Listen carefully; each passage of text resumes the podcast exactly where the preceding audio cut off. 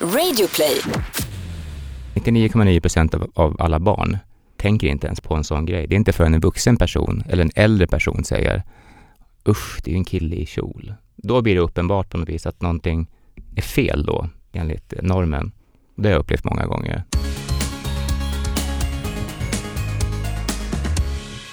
Veckans gäst är ju dragshowartisten, barnprogramledaren och välanlitade designern Peter Englund. Han har ju varit med i eh, dragshowgruppen Diamond Dog som han med startade, och sen så har man sett honom som Super-Peter då på SVT's Barnkanalen, och han är faktiskt en väldigt välanlitad designer till massa stjärnor på röda mattor. Om ni ser någon rolig kreation i någon tidning, då är det oftast Peter Englund Epic Productions som har gjort det. Vi kommer precis från Hedemora. I Dalarna, Vi har varit där och eh, föreläst. Och för er som inte vet så är det ju faktiskt någonting som vi gör. Vi brukar vara ute i skolor och företag har vi också varit några gånger och snacka om liksom hbtq-frågor, normkritik och hur vi kan skapa ett mer inkluderande samhälle. Så vill ni boka oss till det så hör av er via vår Facebook eller Instagram. Det här är lite skamlös reklam om man får vara ärlig. supersäljaren Anton. Men alltså vi pratar ju också om den här podden Regnbågsliv och vilka gäster vi har haft med och vad vi har lärt oss. Så det är ett väldigt interaktivt sätt och man får lyssna på snuttar och avsnitten. Det, det känns som ett väldigt så här lätt sätt att, att connect. Ja, men Eller jag tror också det. Det är väldigt så här, avslappnat. Och eh, vi pratar mycket om våra historier, vi pratar normkritik och så pratar vi också en del om centrala begrepp. Så att eh, du där ute, du som vill ha en rolig föreläsning som är allt annat än tråkig och vanlig, alltså Regnbågsliv, Instagram, Facebook, skriv till oss, vi kommer direkt. Sidospår återgår. Veckans gäst. Peter Englund! När kände du först att du drogs till killar Peter? Tror att jag var fem faktiskt när jag förstod första gången. Det märkte jag för att jag ville inte, jag ville ha en Barbie att sätta kläder på, men jag ville ha en Ken att titta under brallorna på. Faktiskt. Då förstod jag. Och där fanns ju ingenting va? Nej, så jag målade dit grejer med tuschpenna. Och jag har faktiskt kvar den dockan fortfarande med en väldigt eh, tydlig peniskontur och så väldigt mycket hår med tusch. Ja. Mm. Var du lika artistisk då så att det blev liksom bra? När jag kollar på den där dockan så tror jag inte att det ser så, det ser inte så artistiskt ut, men jag förstår ändå tanken och eh, dekorationslusten fanns ju där liksom. Åh gud, det här borde du lägga upp på din Instagram. Ja, det kommer. Den ligger i Älvkarleby i en låda, väl gömd. ja. Mm. Eh, Såg omgivningen det här och blev det reaktioner på det? Eller? Nej, jag gömde den där såklart. Ja. För det var ju lite läskigt, det var konstigt. Jag fattar inte riktigt varför jag ville göra en penis där. För att när man är fem så är man inte så sexuell. Det är ju någonting annat som, som styr. Det är mer instinkter kanske. Och när kom eh, eh huvudet ikapp instinkterna då? Ehm, tonåren tror jag att det var. Fast jag hade ingen sån där stor komma ut-process. Jag var ju så, det var ju på 80-talet det här. Så att, och 70-80-talet. Så att då fanns det inte på kartan att komma ut på det sättet. Framförallt inte i en liten stad som Gävle. Utan då gick man och tryckte på det liksom. Och så kanske det märktes på andra sätt via kläder och hårfärgning och sådana här saker som, alltså rent fysiska saker. Så hade du part- partners av motsatt kön då? Mm. Motvilligt eller? Eh, Jag hade min första flickvän när jag var 20 tror jag. Och den sista när jag kanske var 23. Och sen flyttade jag till Stockholm och då bögade det loss ordentligt. Ja, då var det lite upplysning, eller vet du, Då uppe- blev, då blev det super, superbögen som kom till Stockholm plötsligt. Kände du ungefär som i Jonas Gardells Torka aldrig tårar när, vad heter han den här killen som åker till, eh, från Molkom till eh, Stockholm med Ja, tåget? Ted Gärdestad-killen, krulliga håret, Adam Mm. Pålsson Vad heter han nu? Nu tappar jag det. Mm. Ja, någonting. Han Mm. som åker med tåget från Molkom eh, efter att han har tagit studenten till Stockholm och han Mm. kommer och bara, det är en helt ny värld. Ja, lite så var det faktiskt för mig. Eller ganska mycket så ska jag säga. Det var som från en värld till en annan, absolut. Ja. Vill du Nej. veta vad han heter? ja. Jag kan säga det eh, Han heter, Adam, Adam. exakt men det är ju karaktären men det är det jag undrade. Nej, Adam Paulsson heter han va? Ja det, det sa jag, det är Paul Paul? Nej, Nej vänta nej, det är Paul- Rasmus, eh, Det är Rasmus. Mm. Rasmus vänta, heter han. Rasmus är han som åker eh, från, Ja. Okej, sidetrack and back. Du är ju uppväxt i Gävle, Ja. Peter. ja. Hur var det för dig eh, att gå i skolan? Det var rätt bra, för att jag, jag tror att om man är förtryckt eh, med sin sexualitet så tänker man inte så himla mycket på det. Jag gjorde inte det i alla fall, utan jag bara var på något sätt.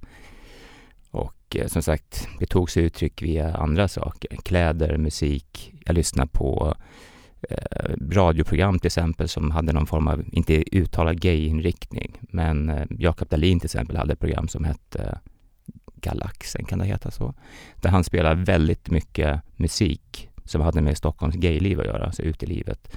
Och hade även intervjuer här för mig också med artister. Pratade mycket om After Dark till exempel. Det var ju liksom stort, började bli stort då. Så han, eh, det var min ledarkontakt kan, kan man säga med gayvärlden. Kände du att du eh, kom undan, eller vad man ska säga, genom liksom, musiken? Eller alltså, jag tänker till exempel så här med hårfärgning och så vidare, Mm. att, så jag har pratat med många som växt upp då, som till exempel var syntare, Mm. och att det liksom var accepterat att ha en annan stil för att man då kunde identifiera sig med den typ musikgenren Mm. eller liknande. Det stämmer jättebra. Där tog jag verkligen ut svängarna, med, eh, framförallt med kläder tror jag. Och lyssna på annorlunda musik. Att man ville, jag ville utmärka mig på något vis via annorlunda musik som inte var mainstream och se ut på ett sätt som, som gjorde att mamma grät. Då hade jag lyckats bra liksom. Så det var en förklädnad, alltså bokstavligt talat? Ja, fast ändå inte en förklädnad utan mer en identitet. Jag gör ju så fortfarande många gånger. Jag gillar ju liksom att skifta stil, tycker om eh, extrema referenser vad gäller kläder. Liksom. Jag tittar fortfarande tillbaka på den tiden till exempel när jag gör kläder. Eh, som om ni ska låna kläder av mig till exempel, då, Ja tack då vet man aldrig vad det blir. Liksom. Det handlar mer om eh, vilket humör jag är på och vilken period jag är i rent mentalt. Om jag kanske är en period när jag tycker att det var väldigt kul med hade kul på 80-talet till viss musik, liksom. då kan det bli kläder åt det hållet och så vidare. Så när man är min ålder då, jag är född 1880 typ, så då har man ju liksom väldigt många referenser att plocka bland för att när man har haft ett lite längre liv. Wow, och jag, jag, jag tänker på det du sa nyss, alltså att du, att du var förtryckt, kände du dig förtryckt? Alltså? Av vem? Kände mig förtryckt eh, i vissa situationer såklart, när jag såg att klasskompisar blev tillsammans och sådär och folk blev kära och så vidare. Det är väl klart att då känner man sig frustrerad. Förtryckt tror jag kanske inte på det sättet. Det ordet fanns nog inte riktigt hos mig. Men frustrerad att du gick miste om den ungdomskärleken så eller? Ja, nej, det kände jag ju inte då, för då var jag ju ungdom. Kanske jag kan känna nu i efterhand att jag kanske också hade förtjänat att, att vara öppet kär i en kille så att säga. Det, så kan det ju vara. Men eh, skulle du kunna beskriva din första kärlek då? Min första kärlek, det var nog faktiskt min mosters kille, tror jag. Oj, Ja, när jag var typ sju eller någonting sånt där. åldersskillnad? Ja, han var väl kanske 35 då. Så det var ju, det var, jag var inte kär på det sättet. Jag tyckte på att han var väldigt fin att titta på. Okej, Mm. och du, du sa inte det till honom eller? Så, eller hur? Nej, nej. Jag visade tror, inte, jag tror inte jag sagt det till någon. Får se om min moster och morbror lyssnar på det här. Kanske de får en chock nu, jag vet inte. Han är 75 nu jag. Wow Men den- den första, kanske sexuella kärleken, Mm. minns du den? Ja, det minns jag nog.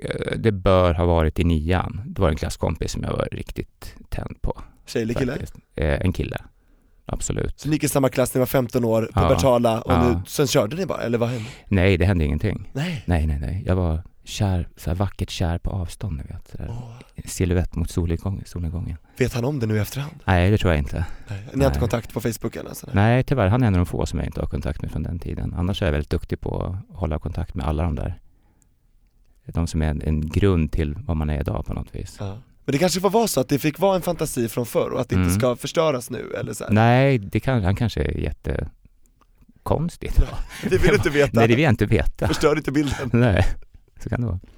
Jag, jag känner verkligen igen mig i det här som du pratade om tidigare när du kom från Gävle till Stockholm och liksom på något sätt andades frisk luft eller Mm. lite så uppfattar jag det. Mm. Eh, För jag själv kommer ju från Kiruna och flyttade till Stockholm så gjort lite samma resa Mm. fast lite senare. Mm.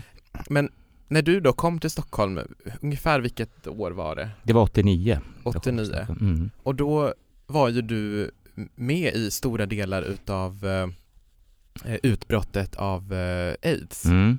Vad är dina liksom starkaste minnen kopplat till den tidseran eller vad man ska säga? Starkaste minnen är nog, tror jag, 84 så började skrivas mycket i Sverige om, om, om HIV och aids. Och då bodde jag i Gävle. Men jag kommer ihåg att den här aids-skräcken bredde ut sig som en filt över hela stan liksom. Alla skulle hiv-testas, alla. Det var total hysteri i alla läger liksom. Så att när jag tänker tillbaka nu så känns det ju inte som att det Eh, betraktades som en gaysjukdom, vilk- vilket är konstigt. För att det är, det är det vi pratar om idag, att det var väldigt stigmatiserat på det sättet. Men som sagt, när jag tänker tillbaka så var alla mina kompisar helt inne på att de skulle kunna ha det. Så alla testade sig. Vilket var ju bra då såklart. Då hade man ju lyckats med den här kampanjen som, som var då, att alla kunde få det. Eh, sen eh, upplevde jag det som ganska tyst runt det där. Fram till jag flyttade till Stockholm 89 då skrevs det heller inte särskilt mycket i tidningarna om det överhuvudtaget. Utan det var mer folk viskar på krogen liksom. Han där och han där och han där och så. Mycket Oj, sånt. bakom ryggen. Lite bakom ryggen. Oh, han ser lite mager ut. Jag tycker den där ser lite sjuk ut. Och så vidare och så vidare liksom. Spred paranoia va? Ja, lite så. Fast eh, man pratade inte särskilt, jag och mina vänner pratade inte särskilt öppet om det överhuvudtaget. Det var någonting som var, om ni vet, den stora elefanten i rummet liksom. Man visste att, oj då, han var ute och hade kul förra helgen. Jaha, undrar om de skydda sig. Alltså mycket tankar var det, mycket, mycket um, teorier liksom. Men inte särskilt mycket prat. Och sen kunde det ju märkas såklart, jag var ju mycket på gaykrogarna, så man märkte att folk försvann och sådär. Men det var aldrig, det blev aldrig något stort trauma för mig på det viset. Vi hade ingen nära vän till exempel som, som försvann. Känner du igen den här bilden som Jonas Gardell målar upp i Torka aldrig tårar? Eh, jag tror att den utspelas lite tidigare än, äh, än mitt Stockholm, så att säga. Jag tror att den är förlagd någonstans där 82, 83, tror jag. Mm. Ja. Och då gick jag ju fortfarande gymnasiet, så Mm. jag kan inte riktigt relatera till musiken och, och klubbarna som var och, och barerna och sådär. Nej, men jag, eh, det är klart att eh, jag tror att det var större hysteri då, för då fanns det absolut ingen förståelse eh, för, för sjukdomen och sådär. 89 när jag flyttade till Stockholm, då fanns det ju ändå, då visste ändå folk på riktigt vad det var för någonting och hur det smittade och så vidare. Åtminstone i gaykretsarna så visste man ju det.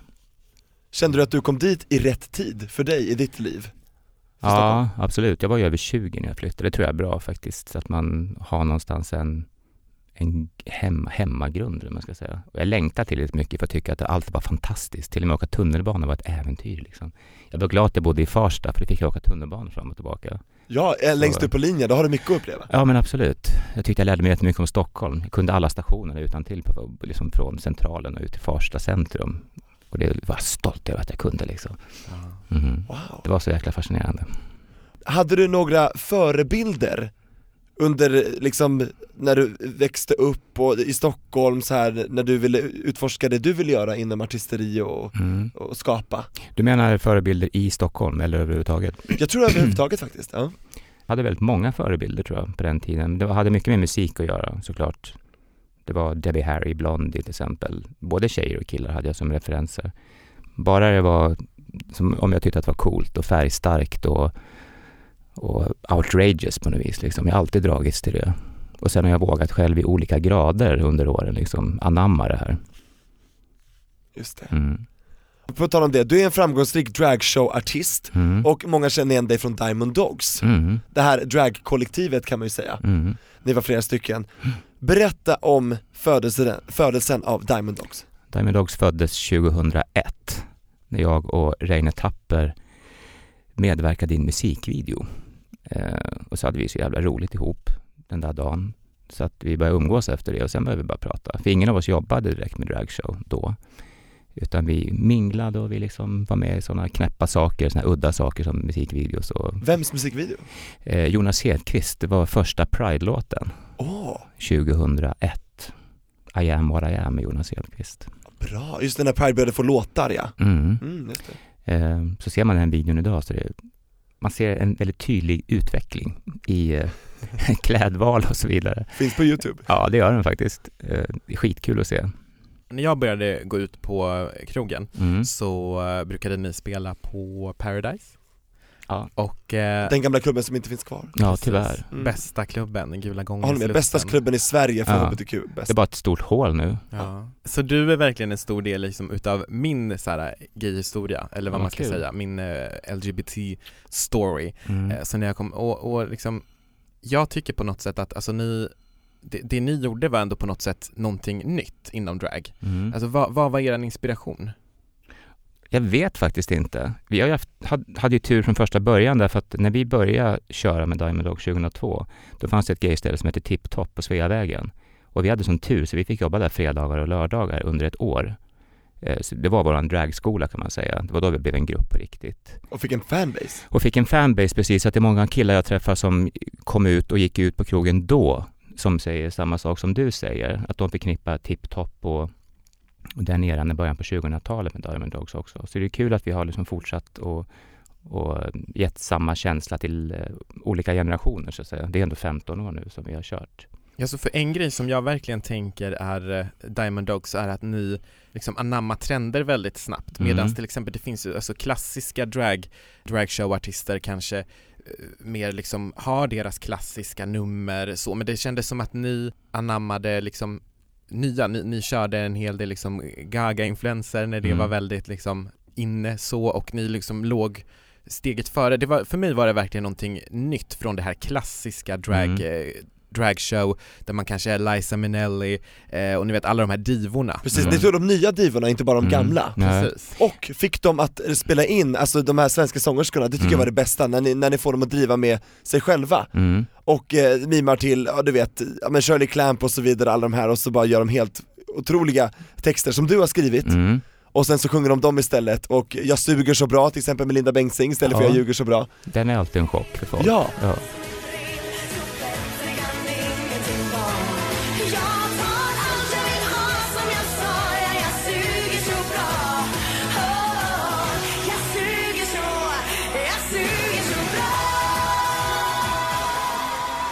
Det, det förknippar jag med, Det- den stilen körde ni och det är unikt för er liksom. Nej, After Dark har ju gjort sådana inspelningar redan på 70 80-talet. Lill-Babs till exempel gjorde ju grejer till dem på den Men var de så tiden. fräcka? Eh, det var kanske mer familjevänligt för det var ju Ja. mer tv-anpassat. eller Då är det ju, och framförallt då så var det svårt att säga ett fult ord. Mm. Eh, Såklart liksom. Så att det är också har med tidsandan att göra. Hade det varit idag så kanske de hade varit fräcka. Jag vet faktiskt inte.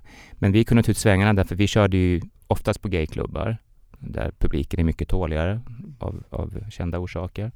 Och sen eh, också att vi hade snabbare, ska man säga, snabbare leverans av våra grejer liksom. Eh, ibland så var det en vecka man skulle göra det på. Vi hade inga fasta shower utan vi körde ju hela tiden på, på känslan på något vis. Beroende på tillfälle. Och då är det som ni säger, då blir det oftast kanske lite trendkänsliga. Då kan man plötsligt plocka in Gagas nya låt istället för den gamla liksom. Och så slänger man ihop nå- några kläder liksom. Och så jobbar ju även många av eh, killarna, tjejerna idag, liksom drag, eh, Admire och alla de här, de har ju, det är väldigt korta, vad jag förstår i alla fall, korta liksom leveranstider. Mm. Man fixar en ny blåsa liksom på måndagen som man ska ha på fredagen och så vidare. Så det är så vi jobbade på den tiden. Från eh, din fantastiska dragkarriär till en annan fantastisk eh, karaktär. För några år sedan så fick du en fråga från SVT, eller jag tror de frågade dig, det var Mm. inte du som frågade dem va?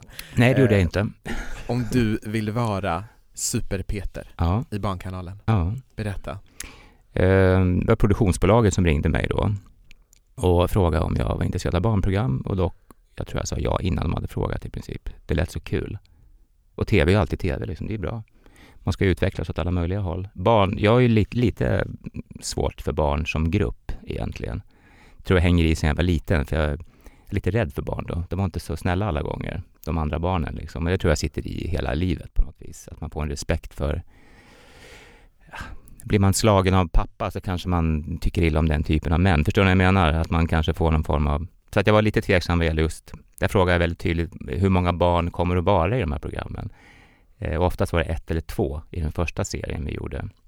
Så det kändes lugnt faktiskt. Berätta om Super-Peter Super-Peter skulle ju vara en fixare från början, en klädfixare. Och unga gillar ju superhjältar. Så då blev det. Super-Peter kändes bara naturligt. Eh, sen i efterhand så googlade vi och då råkade jag se att det finns ett, en karaktär i Tyskland som heter Super-Peter redan. En megadildo. Oj, Ja. Super-Peter, Super-Peter is ein dildo. In the Arschelhofen nej Ja, jag det kan man inte säga. barnen googlar. Du, det har de säkert gjort. Ja, det är too late för det ja too late. De är så förstörda redan. Så att. Wow, okej men Super-Peter, så- så- visst var det väldigt härliga utstyrslar också? Ja, min var ju väldigt rolig tyckte jag själv. Fick använda mina favoritfärger, turkost och rosa. Det är bara en sån grej. Och sen eh, de sista två säsongerna så gjorde vi någonting som heter Supershowen istället för Superdirekten som den första hette. Och det var mer ett tävlingsprogram för barn, ungefär som Idol för barn. Och då hade jag med mig David Lindgren som eh, medprogramledare liksom. Just det, han som gjorde mello senast Ja, exakt. En grej som jag tycker var så häftigt med, häftigt med Super-Peter var att du var ju programledare i drag. Mm. Det var ju någonting helt nytt då, eller? Jag tror att det är ganska unikt. Jag för mig att det var någon som gjorde något försök till någon mer clownig karaktär på, kan det vara 90-talet kanske, någonting sånt, men som aldrig blev någon, någon större hit. Så att det här tror jag var unikt i princip i hela världen. Jag vet att det var förfrågningar utifrån Europa så, om att få göra programmet på, på sitt eget sätt då. För att det är så genus, eh, genusvänligt, Neutralt. genus, genusneutralt och öppnande liksom.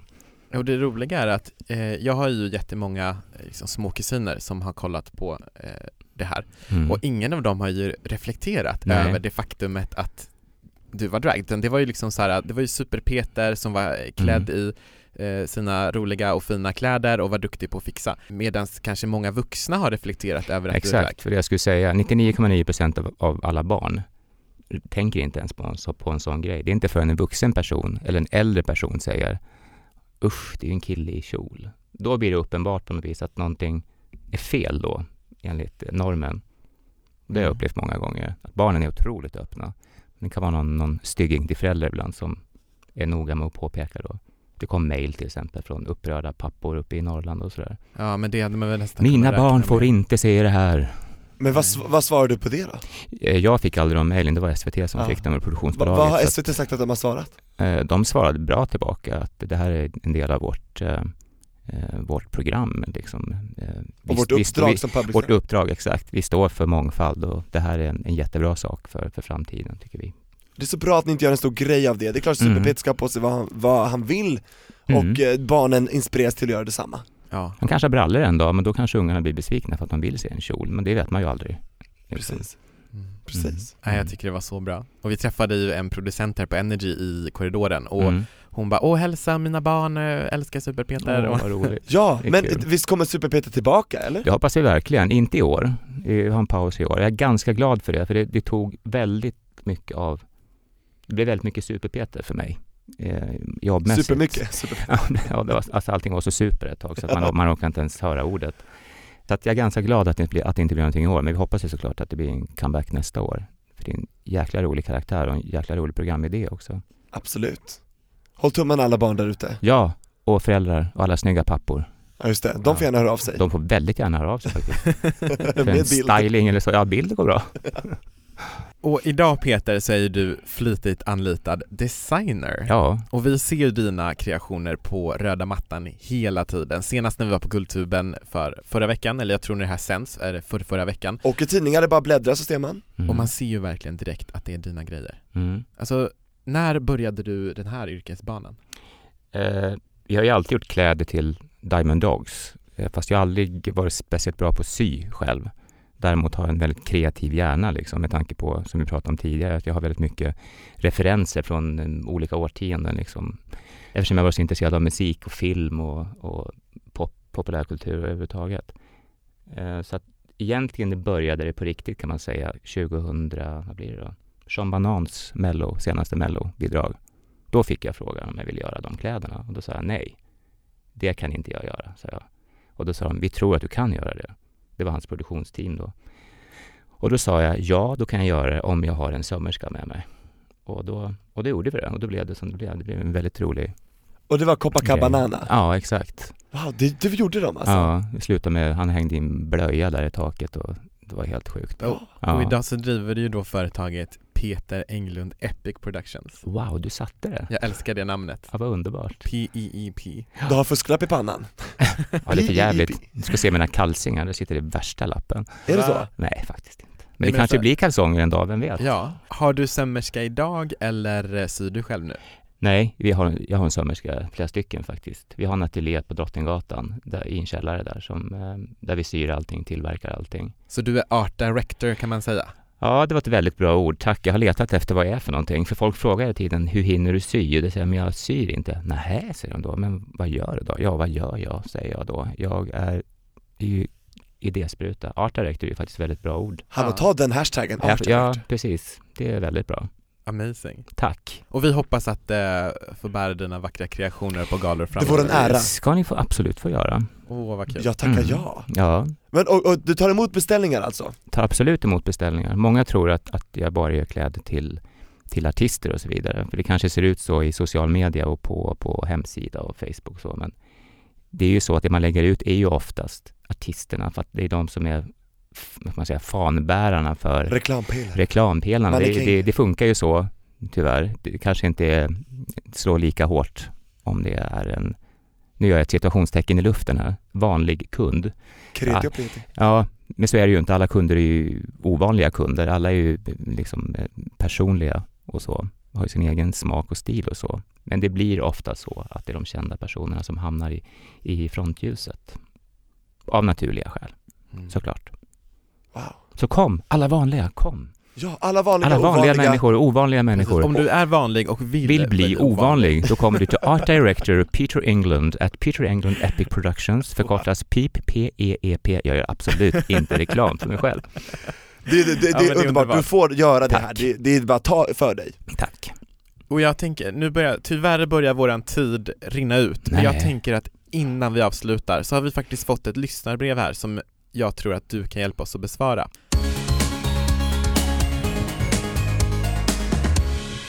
Hej Regnbågsliv! Jag älskar eran podd och jag tycker att ni borde ha med fler dragshow-artister. Åh fan. Det är därför vi tog det nu kanske. Mm. Jag är 17 år och älskar att uppträda som drag. Jag har bara gjort det för mina närmsta vänner. Jag bor i en liten stad och det finns inga andra som gör det. Borde jag flytta till Stockholm efter gymnasiet? Har ni några tips till mig? Snälla. Tack för bästa podden. Tack! För ditt Tack. brev, Tack, kära du. Peter. Ja, vad svarar man på en sån sak? Ja. Har du ett supersvar? En 17-årig kille Ja. slash tjej slash hen som vill eh, bli drag.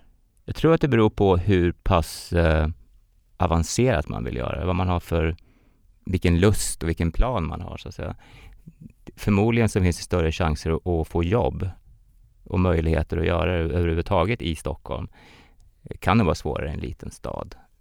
Eh, kanske inte så mycket rent förståelsemässigt. Folk fattar nog vad det är i, idag med tanke på att jag även har gjort barnprogram. Så vi har ju nått även, om man säger, barnfamiljskategorin liksom. Så folk har nog stor förståelse för vad det handlar om. Men jag tror att det finns mer möjligheter i Stockholm. Så kanske 17-åringen ska tänka på att flytta till Stockholm om han vill. Kan det vara, eh, jag tänker så här small fish in a big tank eller big fish in a small tank. Jag Mm. tänker så här, konkurrensen. Jag tänk, nu, Mm. nu tänker jag med min hemstad Kiruna. Mm. Hade det funnits en drag show eh, artist där Mm. så hade ju alla i Kiruna vetat vem det var och den hade kanske fått spela på Ferrum eller eh, Royal. Diner och Ja. Scandic och, ja, nu, nu förstår jag vad jag tänker. Ja, absolut. Fast kanske inte finns samarbetsmöjligheter. Det, är Det är det bara det finns saker. publik då i så fall? Jag tror att det är det som är bristen, just samarbetsmöjligheterna. Förståelsen för hur man sätter ihop en show till exempel. Man kanske Eh, behöver en dragmamma också. Ja, så kan det mycket vara. Kom till mig, kom till mig. Ja. Ja. 40, Peter 000, Englund, du är- 40 000 i timmen kostar det. Nej, nej, nej, jag skojar bara. Det gör jag gratis. Ja men för jag har hört att många dragshowartister, eller de allra flesta som jag känner, har liksom gett det som tips för vidarebefordran att eh, skaffa en dragmamma. Mm. Hade du en dragmamma? Eh, ja, det hade jag. Jag började faktiskt jobba med eh, en, en kompis som hade Babette och Company som var en dragshowgrupp som jobbade väldigt mycket på 90-talet. Så jag började faktiskt knäcka extra hos honom kan man säga. Och eh, lärde mig förmodligen grunderna där. Och sen tror jag att jag och Reine lärde oss grunderna tillsammans. Och sen kom Mattias in som blev den tredje medlemmen något år senare. Och eh, då ja, vi lärde oss, vi var väldigt tajta, så vi lärde oss otroligt mycket av varandra tror jag. Vi hade olika, olika kunskaper på olika områden så att säga. För man ska ju kunna sy, man ska kunna uppträda, du ska exakt. kunna allt typ. Så att som vi gjorde så var det var Reine som sydde, för han är ju skräddare. Och eh, Mattias är duktig på smink. Han jobbar med Kunigunda till exempel innan han började med, eh, med Diamond Dogs. Mm. Och jag var väl den som hade idéerna kanske och satte ihop grejerna och hade kundkontakter och sådana Och saker. skrev Art director. texterna Ja, art director. Art director. Thank you darling. Art Yes. director. Men då ska vi släppa denna art director free Nej jag vill inte, jag vägrar. Jag går inte Ah. härifrån. Kedja fast dig här. Ja, det har jag Men vad kul att du, att du verkar trivas här i vår poddstudio. Det är jättemysigt här. Saknas bara en gin och tonic, sen är jag Ja, så. Anton kan du fixa? absolut. Men jag tänker om vi ska försöka sammanfatta svaren då till våran härliga lyssnare här då Mm. som skrev in, så Mm. uppfattar jag det som att vill du liksom ha mer samarbetsmöjligheter och kanske skaffa en, en dragmamma slash mentor eller dragpappa eh, kan, kan vara en bra idé att Ja. flytta till en större stad. Ja. Men jag tror också det kan vara bra att eh, utnyttja liksom kontakterna som finns på hemmaplan, kanske sen också. ja, det tror jag absolut. Liksom bli etablerad och Stäng aldrig några dörrar, utan håll alla dörrar öppna. Absolut. Sen ska man också komma ihåg, vill jag tillägga, att, att uppträda för en gaypublik, det är en helt annan sak. Inget ont om, man säger situationstecken kommer upp igen här i luften, en vanlig publik, men gaypubliken är otroligt speciell vad gäller mottagande av, av drag eh. För jag påstår att det är en konstform. Det brukar Mm. jag och Robert Fuchs prata om, att det är en konstform. Ja. Inget annat än en konstform. Ja. Ah, bra tips. Mm. Grymt. Mm. Tack Peter Englund för att Tack, du ville pojkar. vara med i Regnbågsliv idag. Ja, jättekul. Och du som lyssnar, kom ihåg in på Instagram och Facebook och följ oss. Där heter vi Regnbågsliv. Peter, vart hittar man dig på sociala medier? Man hittar mig på Facebook som Peter Englund Epic Productions eller så eh, Instagram Peter Englund. Det är skitenkelt. Ja, det var väl typ det för den här veckan. Exakt. Vad tråkigt. Ja. Men vi ses eh, där ute, Mm. I vimlet. i regnbågen. Ja. Tack och förlåt. Hej då! Hej då!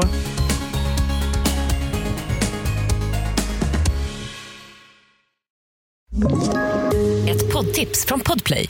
I podden Något Kaiko garanterar östgötarna Brutti och jag, Davva, dig en stor dos skratt. Där följer jag pladask för köttätandet igen. Man är lite som en jävla vampyr. Man har fått lite blodsmak och då måste man ha mer. Udda spaningar, fängslande anekdoter och en och annan arg rant. Jag måste ha mitt kaffe på morgonen för annars är jag ingen trevlig människa. Då är du ingen trevlig människa, punkt. Något Kaiko, hör du på Podplay. Därför är gardinerna.